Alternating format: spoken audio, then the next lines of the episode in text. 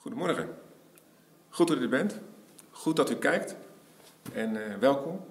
Uh, David heeft u al verwelkomd in het voorwoord. Maar ook uh, ja, namens mij. En hartelijk welkom deze morgen. En ik zal deze morgen wat inhaken op de preek van vorige week. Van Johannes. Wat een, een goed woord is. Dat we alles al ontvangen hebben. En dat het allemaal ons deel is. En dat is super gaaf als dat om te horen. En vandaag uh, ga ik daar mee verder. En um, toen ik op weg uh, hierheen de, de, muziek aan had, had ik het, het nummer van de, de, Planet Shakers op. En ik weet niet of u dat kent, dat is het nummer Nothing is Impossible. En als je deze hele preek zou willen omschrijven, dan is het eigenlijk dat lied. Niets is onmogelijk. Door u kan ik alles doen. Door u kan ben ik tot alles in staat. En ik geloof. Dat is eigenlijk de boodschap van vanmorgen. Dus de volgende week. Bedankt voor uw aandacht. Nee, is maar een grapje. Maar het is wel de samenvatting van deze dienst, van, deze, van dit woord deze morgen. En ik ga een aantal uh, geschiedenissen en teksten aanhalen, die ons laten zien um, hoe het dan zit. En ons erop wijzen dat, dat er uh, een goede manier is om dingen te doen en een minder handige manier om dingen te doen. En die ons erop wijzen dat God ons altijd zegent altijd bij ons is, maar dat we wel in zijn weg kunnen wandelen of niet in zijn weg kunnen wandelen. En dat wil ik graag met jullie eh, bespreken. Want eh, we zien de dingen die Johannes vorige week uitgelegd heeft, ja, die zien we soms ook niet gebeuren. En dan duurt het, of het duurt langer, of de uitkomst is anders dan dat we gedacht hadden. En dan denken van, ja, hoe kan dat nou? Alles is toch van ons? Alles is me gegeven, hoe kan dat nou? En waarom gebeurt het niet? Of waarom gebeurt het op die manier? Doe ik iets verkeerd? Heb ik iets niet begrepen? Nou, ik hoop vanochtend in ieder geval daar een richting in te kunnen geven. Die, uh, ja, waar u mee uh, aan de slag kunt in uw leven met God. En ik wil eerst de geschiedenis van, uh, van Biliam aanhalen. Biliam, was een profeet in onder het oude verbond. En Biliam moest gaan profiteren over Israël in opdracht van, uh, van een heidense koning Balak, koning van Moab. En die stuurde zijn uh, gezanten naar Biliam. En uh, de opdracht was eigenlijk dat hij dus het volk Israël, wat zeg maar dicht bij Moab genaderd was inmiddels, zou vervloeken. En, en, God had al tegen Biliam gezegd, je gaat ze zegenen. Dus ik lees een stukje uit Numeri, Numeri 22. Daar staat vanaf vers 20. God kwam s'nachts tot Biliam en zei tegen hem: Kwamen die mannen soms om u te ontbieden? Sta op, ga met hen mee. En u mag alleen dat doen wat ik tot u spreken zal. De volgende morgen stond Biliam op, zadelde zijn ezelin en ging met de vorsten van Moab mee. De toorn van God ontbrandde echter, omdat hij op weg ging. En een engel van de Heer ging hem in de weg staan als tegenstander. En reed op zijn ezelin en twee van zijn knechten waren bij hem. Een hele aparte geschiedenis, die nog een uh, bijzondere wending krijgt uh, met, met de ezel. Um, maar het, aparte in deze geschiedenis is, is dat um, de vorsten van Moab, die waren al in opdracht van Balak bij, um, bij uh, Biliam geweest. En toen had hij al gezegd van, ik ga niet doen, want ik ga alleen maar doen wat de Heer zegt en ik ga alleen maar uh, zegenen. Um, en toen had de koning Balak, had eigenlijk nog aanzienlijke vorsten, vorsten gestuurd. En het waren deze mannen. En deze mannen die, uh, die kregen min of meer hetzelfde antwoord van Biliam. Maar ze brachten ook nog meer uh, dingen te tafel om hem over te halen. Zoals van, ja, we gaan je in aanzien verhogen, we hebben een heleboel uh, gaven. En, en ze noemden ook Biliam zijn, uh, zijn faam, zijn reputatie. Hè? Want wie u vervloekt, is vervloekt. En wie u zegent, is gezegend. Dus Biliam was best wel een, een profeet van naam in die periode. En daar, daar speelden ze ook uh, op in. Vervolgens zegt God dus in zijn droom, of in zijn droom in ieder geval, die spreekt tot Biliam. Zijn die mannen gekomen om je te halen? Ga met ze mee. Dan gaat de volgende ochtend, gaat Biliam. En dan stelt God zich eigenlijk op, door middel van een engel, als een tegenstander. Dat is raar. Hij deed ook precies wat God zei. Hij ging ook het juiste doen, want hij was niet voornemens om iets anders te gaan vertellen dan wat God zei. Hij zou het volk Israël gaan zegenen. Maar toch stelde de engel zich op als een tegenstander. het bijzondere in de geschiedenis, die als je verder leest, is ook dat je leest dat de ezel die ziet de engel, maar Biliam ziet de engel niet. En dat is bijzonder. En uiteindelijk pas als de ogen van Biliam geopend worden, dan ziet hij de engel. En dan komt het gesprek en dan ja, worden zijn ogen geopend. Zoals in de Bijbel staat. En zijn ogen worden voor Gods wegen geopend. En als God onze ogen opent, dan gaat hij onze ogen openen voor de geestelijke wereld. Denk maar aan Adam en Eva. Adam en Eva, die waren in het paradijs. En door de zondeval, door het eten van de boom van kennis van goed en kwaad, werden hun ogen geopend. Maar hun ogen werden niet geopend door God. Want ze waren open. Ze wandelden met God. Maar hun ogen werden als het hun geestelijke ogen werden als het ware gesloten. En hun wereldse ogen, de, ogen van afwijzing, angst en zonde, die gingen open. En met die ogen gingen ze ook hun situatie beoordelen. Dat is bijzonder, hè? Ik denk dan wel eens aan, uh, vroeger wel eens van een videootje gezien van, van een of andere uh, muziekstuk. en dan waren de ogen ook geschilderd van mensen in dat stuk. En als ze de ogen dicht hadden, waren de ogen op die ogen geschilderd. En dan leek het alsof die ogen open waren. En als ze dan de eigen ogen open deden, dan gingen die andere ogen als het ware dicht. Nou, daar moet ik dan een beetje aan denken. En, en, en zo, zo mogen we ook gaan leren naar de dingen van God te kijken. Um, als zijn dat het geestelijke dingen zijn. En Biliam, die, um, die had dus op dat moment, omdat zijn ogen gesloten waren, bekeek hij dus als het ware de situatie, zijn missie, bekeek hij met vleeselijke ogen. Dus hij had een missie, het doel op zich was duidelijk, het was ook goed. Uh, hij moest dat gaan doen. Maar de manier waarop hij dat ging doen, dat was niet de bedoeling. En dat zegt de engel ook nog tegen hem. Dan zegt hij nummer 22, vers 32.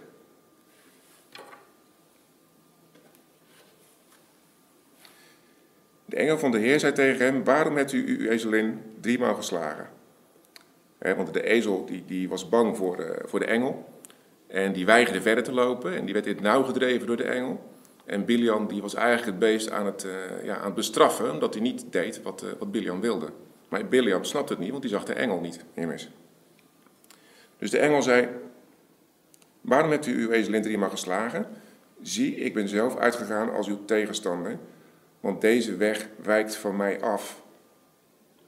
In de grondtekst, als je dat dan terugleest, dan zegt God eigenlijk: De weg die jij wandelt is, is niet correct voor mij. Het is niet in lijn met gedachten voor jou. En, en dat is wel een belangrijk gegeven, want dat betekent dat in ons, um, in ons streven naar uh, goede dingen te doen, in ons streven naar het goede te verwachten, dan kan dat op zich goed zijn. Maar als we dat um, niet geestelijk benaderen, dan kan dat soms wel eens nadelig zijn voor ons. En de achterliggende gedachte is dat het God niet zozeer een tegenstander is van ons, absoluut niet. Maar God heeft het beste met ons voor. Dus met het grote geheel, het werk wat je gaat doen, je hebt misschien, misschien wel grootste plannen voor de toekomst, komt God heel dichtbij bij jou persoonlijk. En wil jou bijstaan, wil jou helpen en wil jouw weg eh, ja, duidelijk maken. En daarin is hij specifiek met jou bezig. Hij is met jou begaan. Hij heeft jouw belang heeft hij specifiek op het oog. Los van het grote doel, wat goed is, wat jij misschien gaat bereiken met wat jij gaat doen. En het kan van alles zijn. Het kan natuurlijk, eh, hoeft niet alleen in de kerk te zijn. Het kan ook dingen voor je leven, plannen voor je leven die je gemaakt hebt. Dat plan kan prima zijn. Maar soms is de weg daar naartoe niet de weg die God voor ogen heeft. En dat was hier bij Biliam ook het verhaal. En wij denken dan soms wel eens, of misschien denk je soms wel eens van ja, maar uh, ja, God, uh, ja, God is tegen mij, of uh, doe iets verkeerd, of God houdt iets achter. En dat is eigenlijk, dat is eigenlijk dus, het zijn uitspraken die bij gesloten ogen kijken horen. En gesloten ogen is eigenlijk ook gesloten oren. De oren staan niet open voor dingen van God.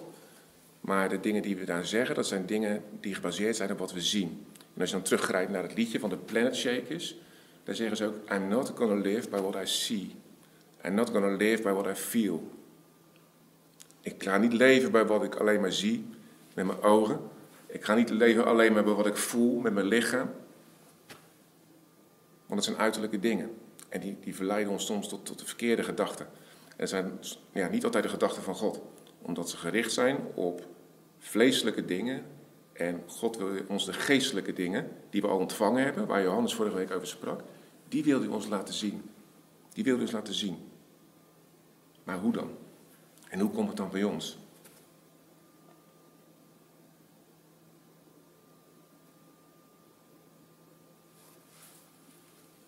Dus onze geestelijke ogen, die moeten eigenlijk geopend worden.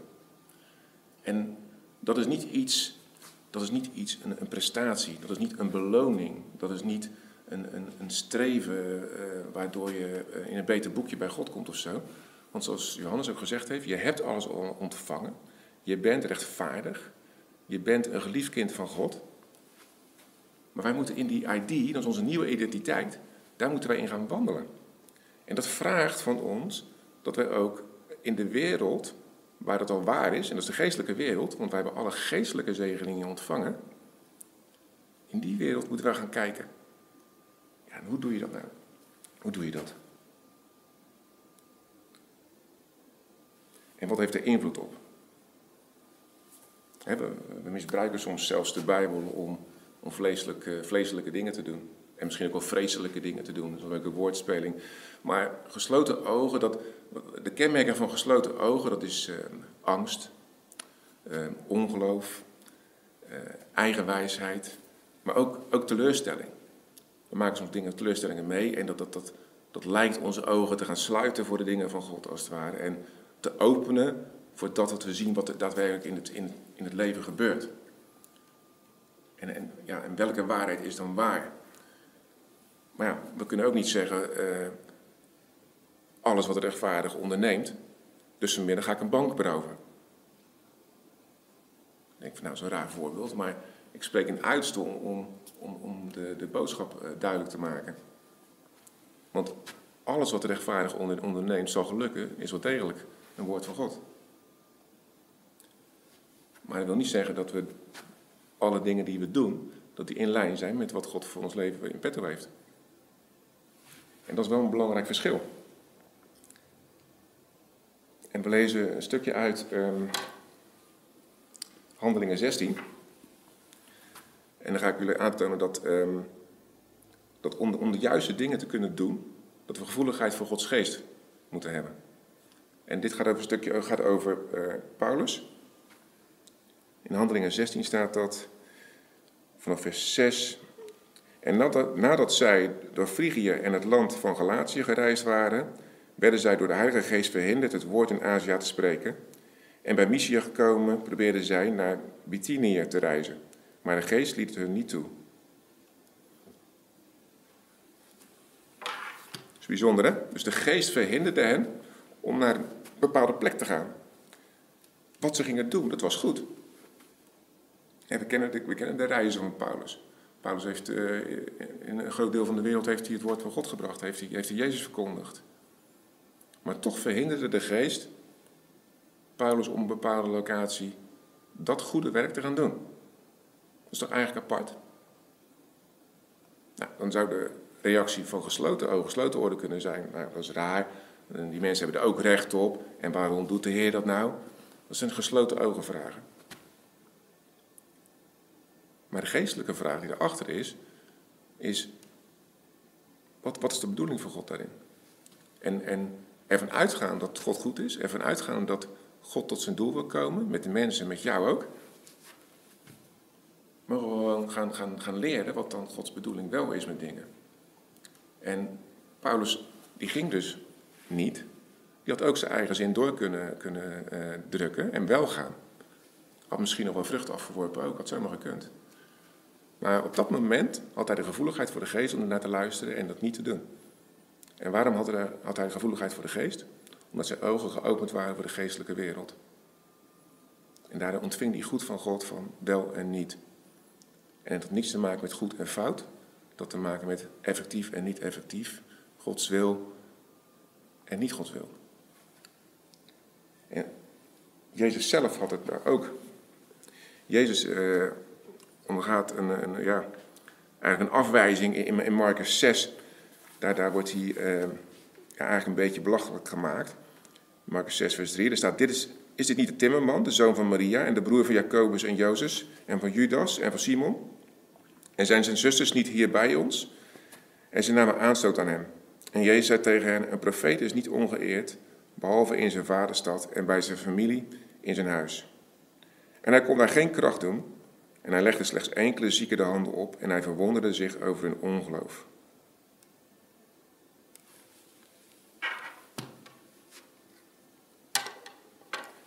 Zou Jezus niet in staat geweest zijn om ook die mensen die hem belachelijk maakten, gewoon te overtuigen, gewoon te genezen, gewoon de waarheid te laten zien? Maar wat zegt het woord? Het was zijn thuisstad, was Nazareth. En hij verbaasde zich om hun ongeloof. Dus ook dat speelt een rol in het geheel. Hun ongeloof was een rol. En, en, en ook de verwachting. Dus met het, met het ongeloof was er ook geen verwachting. En dat zijn ongeloof en geen verwachting hebben, dat zijn eigenlijk gesloten ogen slash gesloten oren kenmerken. Dan is er geen verwachting. Want je kijkt niet naar het geestelijke, je kijkt naar het, wat, in, wat zichtbaar is en voorhanden. En dat is een verleiding, want we zijn hier in, in, het, in, hier en nu, in de wereld, in het vleeselijke. Daar, daar wonen wij, daar leven wij, daar bewegen wij. En toch mogen we weten van Gods werkelijkheid begint in het geestelijke. Begint in het geestelijke. En ongeloof en teleurstelling en, en ratio, die bouwen de verkeerde weg op.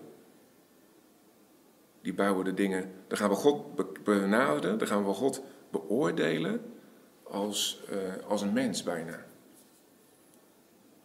Dan gaan we, zo naar, gaan we God, naar God, vleeselijk naar God kijken. En dat is per definitie niet de bedoeling. Want dan gaan we de plank misslaan. Dan gaan we dingen niet snappen, dan gaan we het niet ontvangen. Want ja, God is net als ons, dus waarom doet hij dat nou? Hoe zit dat nou? Snapt u? Dus dat is niet de weg om daarin te gaan. Dus we moeten gevoeligheid voor de geest ontwikkelen. En hoe, hoe, hoe doen we nou gevoeligheid voor de geest ontwikkelen? Um, uh, hoe krijgen we nou verwachting? Hoe uh, krijgen we nou die zekerheid? Hoe krijgen we nou dat onze ogen open gaan? Hoe krijgen we nou dat we gaan zien, daadwerkelijk gaan zien wie wij zijn en wat wij allemaal niet kunnen? En waar wij voor bedoeld zijn, net zoals in het lied I can do anything. U kan alles. U bent een kind van God, u kan alles. Alles is voor u mogelijk. Maar het begint met geloof. Het begint met geloof. En um, het gaat zeker niet door om, uh, om uh, hoe goed we ons best doen of iets dergelijks. We lezen een stukje uit Efeze. Efeze 1:13. In hem zijt ook gij, nadat gij het woord der waarheid, het evangelie, uw behoudenis hebt gehoord, in hem zijt gij, hoe gij gelovig werd, gelovig werd, ook verzegeld met de Heilige Geest der belofte. Heeft u ontvangen, die geest van God, die woont in u. En door die geest is alles mogelijk. Dat is hè? dat is bijzonder. En dat, wat, wat, de gedachte die dat voedt, de gedachte die u bewust gaat maken dat u alles kan, dat begint bij het voor de horen van het woord. Horen van het woord. En dat, dat staat in uh, Romeinen. Even kijken.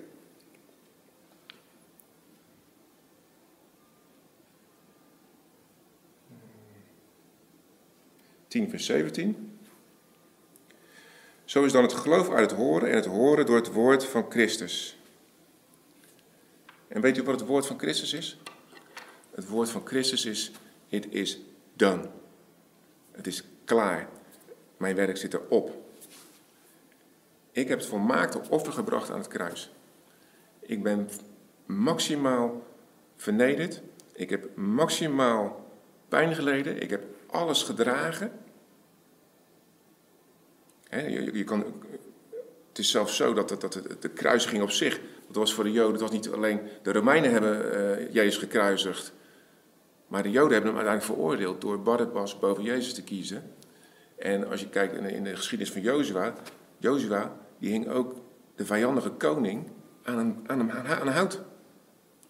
Dus Jezus werd niet alleen aan het kruis eh, gehangen als zijn van, dan zijn we van af. Nee, er werd ook nog een boodschap gegeven. Dit is onze vijand. En hoe ironisch, hoe, hoeveel vernedering is dat dan als er nog boven je hoofd een bordje hangt? Koning der Joden. Koning van de mensen die hem haten, die zeggen, jij bent mijn vijand. Nou, deze Jezus, die zegt, ik heb voor deze mensen en voor u geleden. En ik heb mijn leven voor u gegeven, omdat ik van u hou. Omdat ik van u hou, heb ik mijn leven voor u gegeven. En dan mag je dit moment ook in de woonkamer, waar je ook bent, mag je dat ontvangen. Dat Jezus ongelooflijk veel van u houdt. En dat zijn offer en zijn liefde onvoorwaardelijk is. En voor altijd. Kan u nooit geroofd worden. Hij laat u nooit, nooit meer los. Altijd zal hij bij u zijn. Dat belooft hij. En dat zal hij ook doen. Het is even belangrijk om uh, tussendoor te, te tweaken. Maar zijn offer, het offer van Jezus is dus, het is dan. En met het ontvangen van Gods geest bent u in staat tot. Bent u capabel gemaakt om. U bent in die zin, gaat u niet beter worden. Maar we moeten het woord tot ons nemen. Zoals de Romeinen tekst zegt, horen door het woord van Christus. En we hebben het nodig om telkens te horen dat we geliefd zijn. We hebben het nodig om telkens te horen dat eh, er geen veroordeling meer is voor ons. We hebben het nodig om telkens te horen dat we oké zijn en dat we geaccepteerd zijn door God. Dat hebben we nodig. Want met die wetenschap, dan gaat, gaan onze ogen sluiten voor, voor de wereldse dingen. En dan krijgen we meer oog voor de dingen van God. Want als we het niet geloven dat we geliefd zijn, als we het niet geloven dat we eh, gered zijn, als we niet geloven dat we geaccepteerd zijn, als we niet geloven dat we met Jezus opgetrokken zijn tot in de hemelse gewesten, dan benaderen we de dingen vleeselijk. Dan benaderen we de dingen vanuit onze ratio, hoe we denken en hoe, we, hoe wij vinden dat het zou moeten gaan, zonder rekening te houden met de geestelijke waarheden.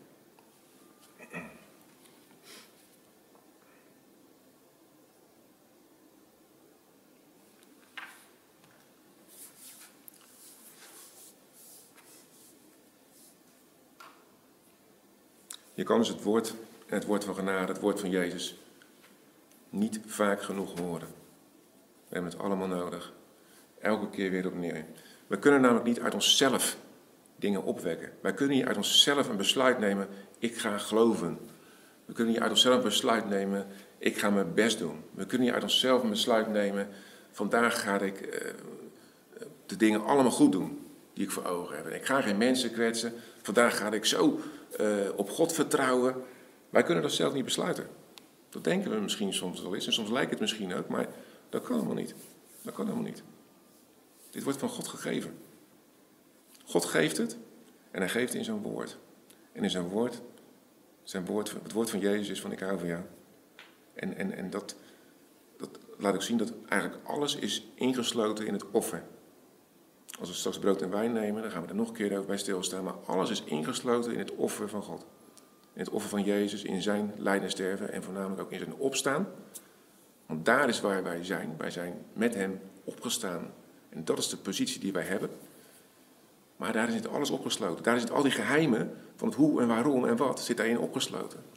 En daarom is het zo belangrijk om die waarheid telkens tot ons te nemen. En dan de openbaarheid te krijgen die we zoeken.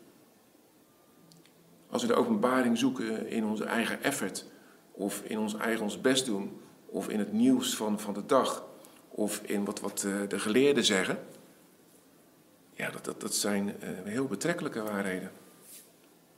Het zijn vaker zijn het uh, slecht nieuwsberichten en zijn het berichten die inspelen op onze angst, op ons, op ons voorzichtigheid, op onze zorgen, op ons bedreig, bedreigend voelen En, en langzaam sluiten die ogen dan weer. En langzaam sluiten die oren dan weer voor de waarheid die van God is.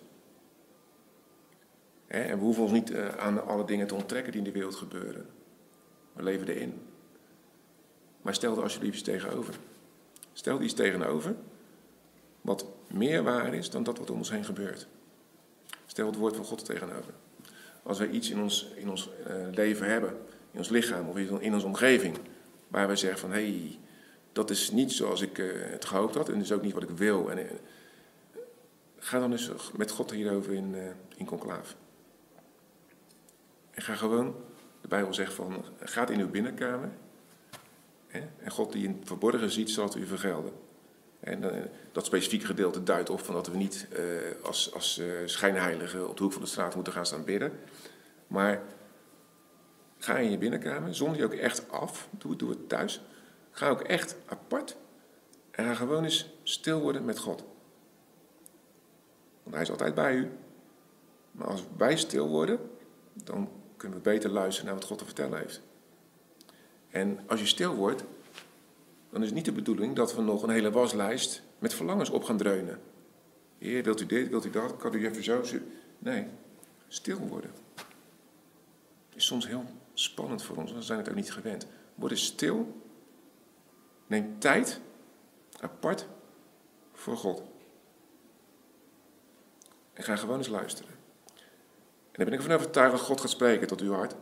Want dat wil hij heel graag, maar hij gaat niet uw gedachten overschreven. En daarom moeten wij stil worden. Want God fluistert soms in.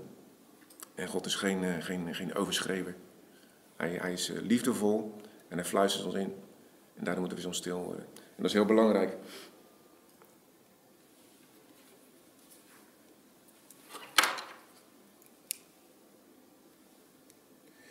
Johannes 15, vers 5 zegt: Ik ben de wijnstok, u de ranken. Wie in mij blijft en ik in hem, die draagt veel vrucht.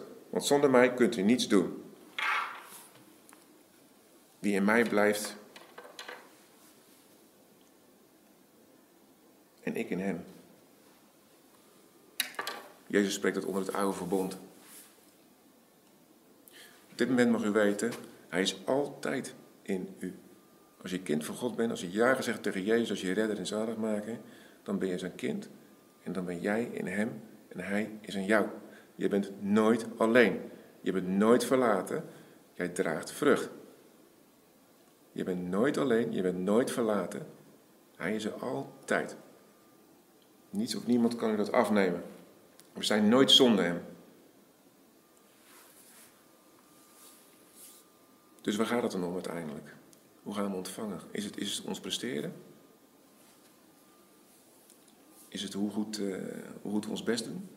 Hoe juist we leven, hoe heilig uh, we proberen te zijn? Nee, het zijn allemaal vleeselijke dingen. God heeft ons geestelijk 100% vernield. Bent u perfect schepsel geestelijk. De geest die in u woont, die wordt niet volwassener, die wordt niet sterker, die wordt niet beter, die wordt niet groter. Die is op zijn maximum potentie. Het is gewoon aan ons om stil te worden en Gods stem te gaan verstaan. En onze ogen te openen voor de geestelijke waarheden. En als onze ogen gaan open voor de openen voor de geestelijke waarheden, dan gaat het geloof wat daardoor ontstaat, door het woord van Christus, het geloof wat daardoor ontstaat, is de brug naar de manifestatie in het hier en nu.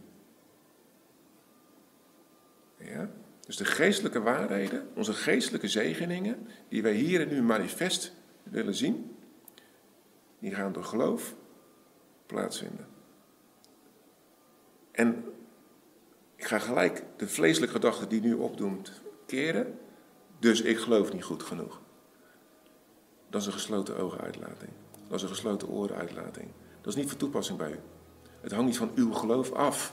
Het hangt ervan af, ontvangt u het geloof door het woord van Christus.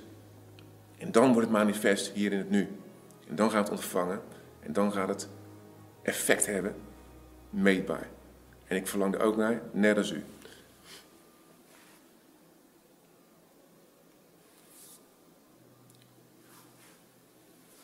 Dus afrondend, denk aan het lied The Planet Shakers. Nothing is impossible. alles is mogelijk. Maar ik leef niet bij de dingen die ik zie alleen. Ik leef niet alleen bij de dingen die ik voel in mijn lichaam. Maar ik geloof.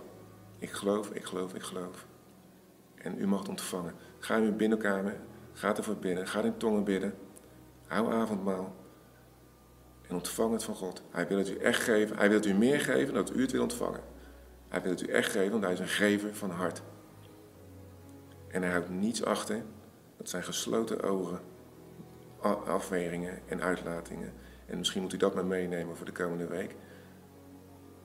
Denk eh, geopende ogen, geestelijk geopende ogen termen. Denk in die termen. Denk niet in de termen van gesloten ogen. Dus denk, God is goed. U bent gezegend. En geestelijke zegeningen, die gaan manifest worden in uw leven. Maar werk met God mee. Werk met God mee in die zin. En ga niet in eigen wijsheid. Ga niet in de gesloten ogenmodus. Amen.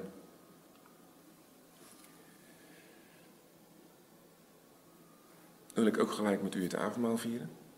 En misschien heeft u uw spulletjes uh, al klaarstaan. En uh, misschien heeft u geen wijn in huis, dan neemt u wat anders. Dat maakt hem niet uit. We gaan de verbondsmaal van God uh, nemen. In Jezaja 53, daar wordt er geprofiteerd over Jezus. En er wordt ook geprofiteerd over wat we vandaag besproken hebben. Over het manifest worden van het offer van Christus. En een van de dingen die manifest geworden is, want de profetie, dat was toen, was het nog iets waar de mensen ook verdachten, misschien toen ze het hoorden van, waar gaat dit over? Toen Jezaja riep, dat door zijn stream ons genezing is geworden. Zijn, zijn tijdsgenoten zullen misschien gedacht hebben, waar gaat het over? Dat was toen nog puur geestelijk. Uiteindelijk is het manifest geworden, omdat de waarheid van God is. Jezus is op aarde gekomen, hij heeft zijn leven gegeven, hij heeft zijn lichaam gegeven en hij is kapotgeslagen. Hij heeft geleden omdat dat het leed van de wereld was. En dat kwam op hem. En dat lijden van hem, maar zijn afdalen in het graf en ons reinigen van ons, de dood daar te overwinnen en daarmee ons te, reinigen door zijn bloed, dat maakt uiteindelijk manifest dat zijn lichaam ons genezing is. En zo mogen we nu het brood nemen. En als u matsen heeft, is prima.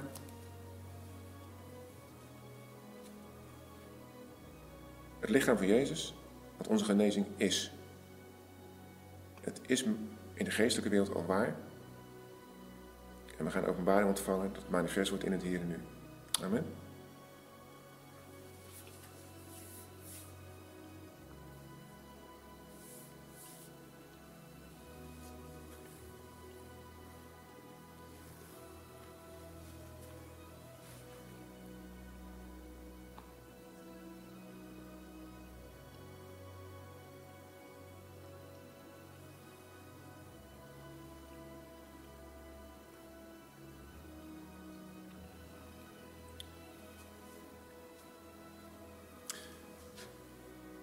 En zo zegen ik ook eh, bij u thuis de wijn en hier.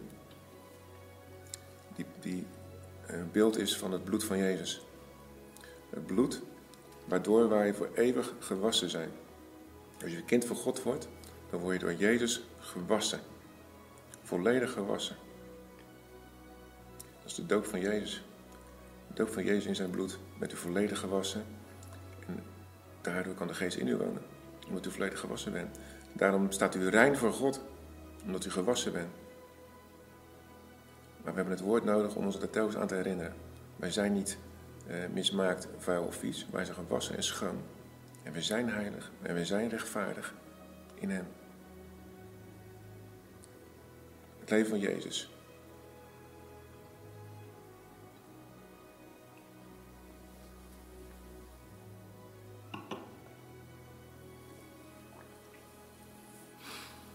Het is eigenlijk wel bijzonder hè, dat u dat nu uh, thuis doet. Uh, helaas noodgedwongen. We hopen toch wel dat ja, in juni hopelijk dat we misschien wel de diensten kunnen gaan hervatten. Dat is in ieder geval wat ik hoop.